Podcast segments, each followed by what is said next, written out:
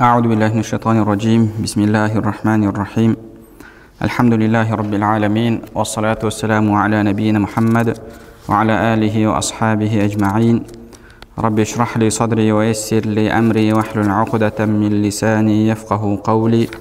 اللهم علمنا ما ينفعنا وانفعنا بما علمتنا وزدنا علما وعملا وتقا وإخلاصا يا رب العالمين. أما بعد السلام عليكم ورحمة الله وبركاته.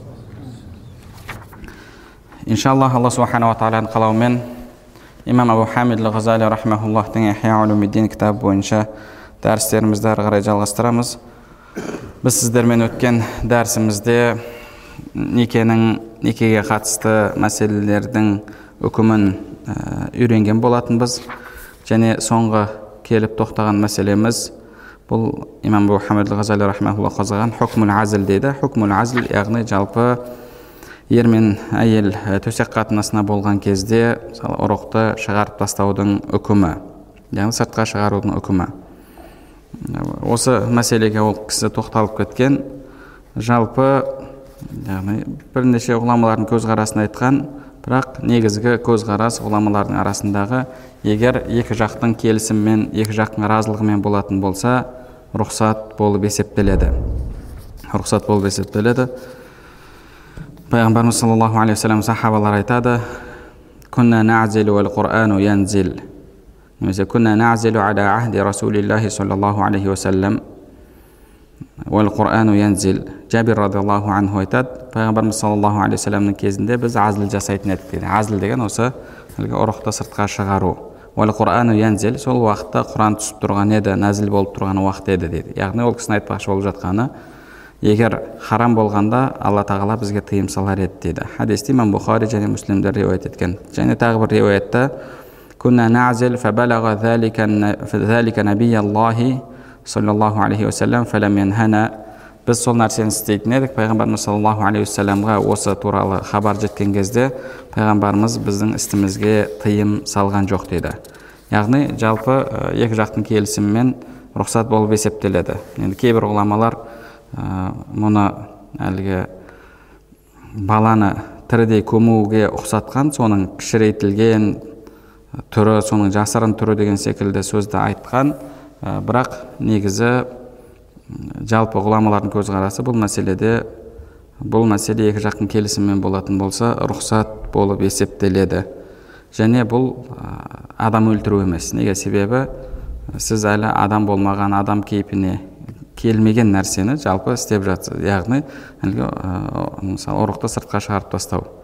Оны әлгі рух үрленген немесе рух үрленбей тұрса да адамның бейнесіне енген нәрсені өлтірумен теңестіруге болмайды. Енді ғұламаларымыз соған қатысты тағы да бір екі мәселелерді қозғап кетеді. Жалпы сақтанудың түрлерін айтады. Шариғатымызда сақтанудың рұқсат болған рұқсат болмаған түрлері бар яғни бала болдырмаудың жолдары. Бала болдырмаудың жолдарынан мысалы харам болған жолдарынан ер адамның барып өзінің бір екі тамырларын өлтіреді ме сондай бір медициналық жолмен одан кейін бала көтере алмайтын болып қалады. Бұл еуропа елдерінде қолданыста бар нәрсе. Яғни барады барғаннан кейін ер адамның кейбір тамырларын өлтіріп тастайды. Ол бағанағы төсек қатынасына жарап тұрады бірақ бала болмайды одан. Бұл жолы шариғатымызда харам жол болып есептеледі. Немесе бағанағы әйел адамның әйел адамның кейбір бір сондай бір яғни операция жасау арқылы ішкі құрылысында бір өзгерістерді жасайды да одан кейін ол бала көтере алмайтын болып қалады. Шариғатымызда бұл да харам болып есептеледі. Енді ә, спираль қойдыру мәселесі бар. Спираль қойдырудың кейбір ғұламалар үкімі мубах деген көзқарасты айтқан бірақ негізі ғұламаларымыз айтады бұл нәрсе дұрыс емес дейді неге себебі? Басқа сақтанудың жолдары тұрған кезде барып әйел адамның әуретін ашуы негізі шариғатымызда рұқсат емес. Өйткені негізінде әуретті ашу харам іс болып есептеледі. Әуретті ашу харам іс болып есептеледі. Бізде дарурат тубихул махзурат дейді яғни дарурат жағдайында ғана харам істерді істеуге рұқсат болады білесіздер дарурат жағдайы деген ол сен сол істі істемесең сенің өліміңе немесе майып болуыңа алып келеді соны негізі ғұламаларымыз дарурат деңгейі дейді ал одан жоғарғы деңгей бар хажа деңгейі хажа деңгейі дегеніміз бұл адамның өмірінде қиындық туындайды машақат болады. Бірақ ол машақат төзімді яғни төзуге болатын машақат ол адамның майып болуына немесе өліміне алып келмейді. Мүмкін ер адамның ә, мысалы сақтануы әр жолы әлгі мүшеқап сатып алуы оған сәл бір екі ақшасының шығын болуына басқа себеп болатын шығар. Бірақ сондай жолдар тұрған кезде әйел адамның барып әуретін ашып жатып сол нәрсені салдыруы негізі дінімізде рұқсат емес. Дінімізде рұқсат емес. Енді кейде мысалы ер адамдар өзінің нәпсісін ойлап өзінің ләззатын ойлап барып сол нәрсені істетіп жатады. Оны істетуге мұқтаждық болып тұрған жоқ дарурат болып тұрған жоқ. Неге себебі? Ер адам әзіл жасауына болады. Немесе мүшеқап қолдануды да ғұламаларымыз әзілдің үкіміне жатқызады. Әзіл секілді ол да.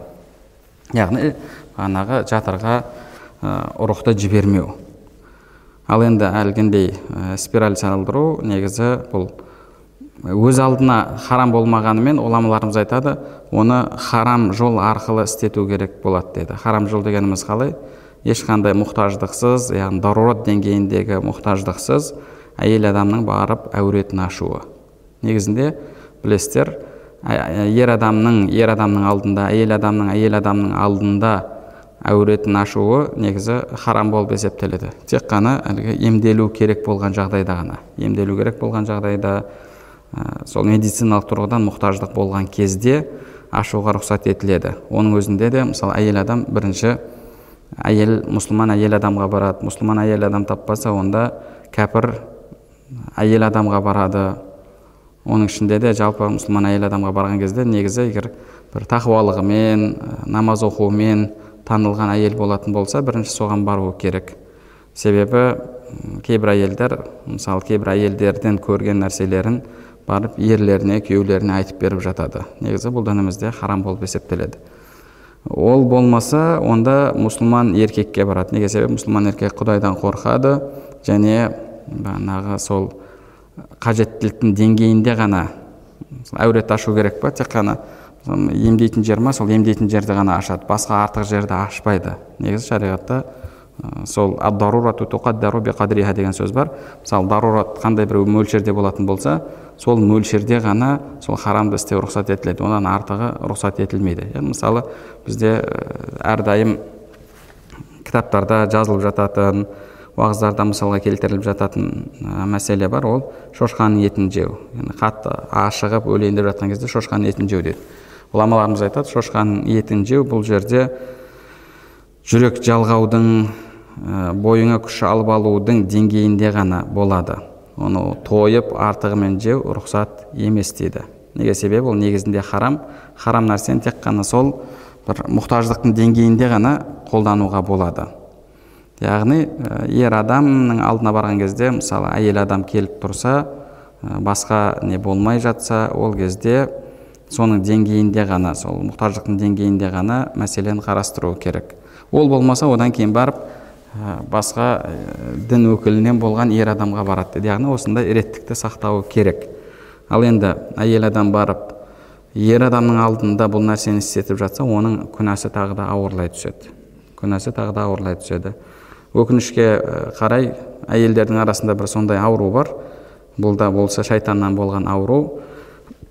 Ер адамдар жақсырақ қарайды ер адам более аккуратный болады. Анау мынау деп осындай қанша ә, естіп жатамыз. Жахил яғни дінін білмеген надан әйелдер мысалы гинекологты таңдаған кезде де ер адам таңдайды әйел адам таңдамайды. Бұл негізі шариғатымызда рұқсат емес. Шариғатымызда рұқсат емес. Әйел адам негізі әйел адамға қаралуы керек. Біздің арамызда мұсылмандардың арасында әйел дәрігерлердің болуы негізінде фард кифая болып есептеледі. Дінімізде бұл фард кифая. Яғни сол жеткілікті деңгейде әйел адамдар болмаса біздің әпке қарындастарымыз жұбайларымыз аналарымыз сол ер адамдарға баруға мұқтаж болатын болса онда біз мұсылмандар алла тағаланың алдында күнәһар болып есептелеміз. Неге себебі? Фард кифая дегеніміз ол бағанағы мұсылмандардың арасынан бір топ шығып соны жеткілікті деңгейде орындауы. Егер жеткілікті деңгейде болмай жатса онда мұсылмандардың барлығы сол үшін күнәһар болып есептеледі. Бізде көбінше бұған фард бағанағы жаназаны мысалға келтіріп жатады. Жаназаны фард кефая деді дұрыс жаназа фард кефая. Бірақ фард кефая тек қана ол емес. Фард кефая мысалы әр салада мұсылмандардың арасында жеткілікті мамандардың болуы. Оның өзі бізде фард кефая болып есептеледі. Шейх мұхаммад ғазали рахимахуллах күлген еді. Заманауи шейх мұхаммад ғазали деген кісі дүниеден өткен тоқсан қай жылдары? тоқсан алты ма? тоқсан тоғызыншы жылдары қайтыс болған. тоқсан алтыда болу керек. Сол кісі айтқан бізде қазір фард кефая десе тек қана жаназа адамдардың ойына келеді дейді қазір үмбет сондай бір өлетін жағдайда тұрғандай дейді бір нәрсе болса тек қана фард кефая десе жаназа естеріне келеді дейді. Негізі тек қана жаназа емес осы мәселелердің барлығы негізі фард кефая болып есептеледі. Әр салада ол мейлі әскери салада болсын ол мейлі саясат саласында экономика саласында медицина саласында мұсылмандардың өздерінің жеткілікті мамандарының болуы негізі фард кефая болып есептеледі. Сол үшін де біз сол фард кефаяның орнын толтыруымыз керек. Имам абу хамид рахмаулла өзінің кітабында сол мәселені қозғайды. Ол сол уақыттарда яғни хижри төртінші бесінші ғасырларда. Ол кісі айтады қазіргі таңда өкінішке қарай бізде адамдардың барлығы фих оқуға бағытталып яғни фих оқып кетті шариғатты үйреніп кетті. Бір елді мекенде елу фақих елу шариғаттың маманы бар бірақ жалғыз ғана яхуди дәрігер бар деді жалғыз ғана яхуди дәрігер бар. Өкінішке қарай біз сол яхудидің алдына әйелдерімізді алып барамыз өздеріміздің әпке қарындастарымызды алып барамыз. Бұл негізінде мұсылмандар үшін үлкен күнә. Сол үшін де біз сол жағында орын толтыруымыз керек деді одан кейін ол жетпегенде тағы да барып сол адамнан шариғатқа қатысты болған мәселелерде пәтуа сұраймыз. Яғни медициналық тұрғыдан пәтуа сұраймыз деді мысалы бір адамның асқазаны ауырады. Емделуі керек. Ол барып дәрігермен ақылдасады. Мен ораза тұтсам болады ма болмайды ма деді. Енді бұл жерде мұсылман құдайдан қорқатын оразаның парыз екенін түсінетін дәрігер болса ол қарайды. Оның ауруы қандай деңгейде? Егер қазір ораза тұтатын болса мысалы ауруы сәл кеші емделуі сәл кешігуі мүмкін. Немесе ораза тұтса болады бірақ мысалы тағы да бір қосымша дәрілерді қабылдауы керек болатын шығар. Ал соны қарап соған қарай үкімін береді. Ал егер оразаның маңыздылығын түсінбейтін адам болатын болса айтады болмайды саған кез келген нәрсеге болмайды. Ораза тұтуға болмайды саған ашуға болмайды болды. Бағанағы дәрілеріңді іш басқа деп осылай пәтуаны бере салады. Енді біз бұл нәрседе кімге мұқтажбыз? Дәрігерге мұқтажбыз. Сол үшін де дәрігер адамның өзі құдайдан қорқатын тақуа мұсылман болуы керек. Негізінде. Тағы да сол сияқты басқа да мысалы мәселелерде барып үкімін сұрап жатамыз. Яғни жалпы біз осы фард кифаяның негізі орнын толтыруымыз керек. Сол сияқты мысалы тағы да басқа да мәселелер бар. Біз қазір айтамыз әйел адамдарды оқытпау керек әйел адамдарды үйтпеу керек бүйтпеу керек. Сондай да әңгіме қозғалып жатады. Бірақ біз өзіміз қалаймыз ғой мысалы негізі қыздарымыздың ертең мектепте оқыған кезде ұл балалармен араласпай оқыса дейміз. Қазақ түрік лицейлер бар. Мысалы қыздар бөлімі бар ұлдар бөлімі бар деген секілді. Егер әрқайсысы жеке оқитын болса бұл білімнің сапасын да күшейтетіндігі ғылыми тұрғыдан дәлелденген. Негізі ерлер мен әйелдер араласқан кезде бұл белгілі деңгейде. Мысалы қыздардың да қыз балалардың ойын бөледі ұл балалардың ойын бөледі. Бұл оқудың сапасына әсер етеді. Біз мысалы сол нәрсені қалаймыз. Бірақ ертең мысалы сондай мүмкіндік туындап жатса бізде жеткілікті деңгейде мұсылман сол әпке қарындастарымыздың арасында мамандар бар ма? Мысалы бағана балабақшаның деңгейінде сол бағанағы тәрбиені дұрыстап беретін немесе мектептің деңгейінде. Бұның барлығы негізі бізде фард кифая болып есептеледі фард кифая болып есептеледі сол үшін де негізінде әйел адамға әйел адам қарау керек қолыңыздан келгенше сіз соны қамтамасыз етіп беруіңіз керек е мына жерде мына біз пәленше ә, неде екенбіз ол жерде ер адам екен е жарайды ер адам болса жоқ ер адам болса жарайды емес барып мысалы оның несін ауыстыру керек па сменін ауыстыру керек па немесе басқа жақпен сөйлесіп оны басқаша шешуге болады ма? Соның барлығын сіз қарауыңыз керек. Әйеліңізді барып ер адамның алдында әуретін аштырып қою бұл сіз үшін алла тағаланың алдында үлкен күнә болып есептеледі. Яғни бұл жалпы осы сақтанудың шариғаттағы үкімдері.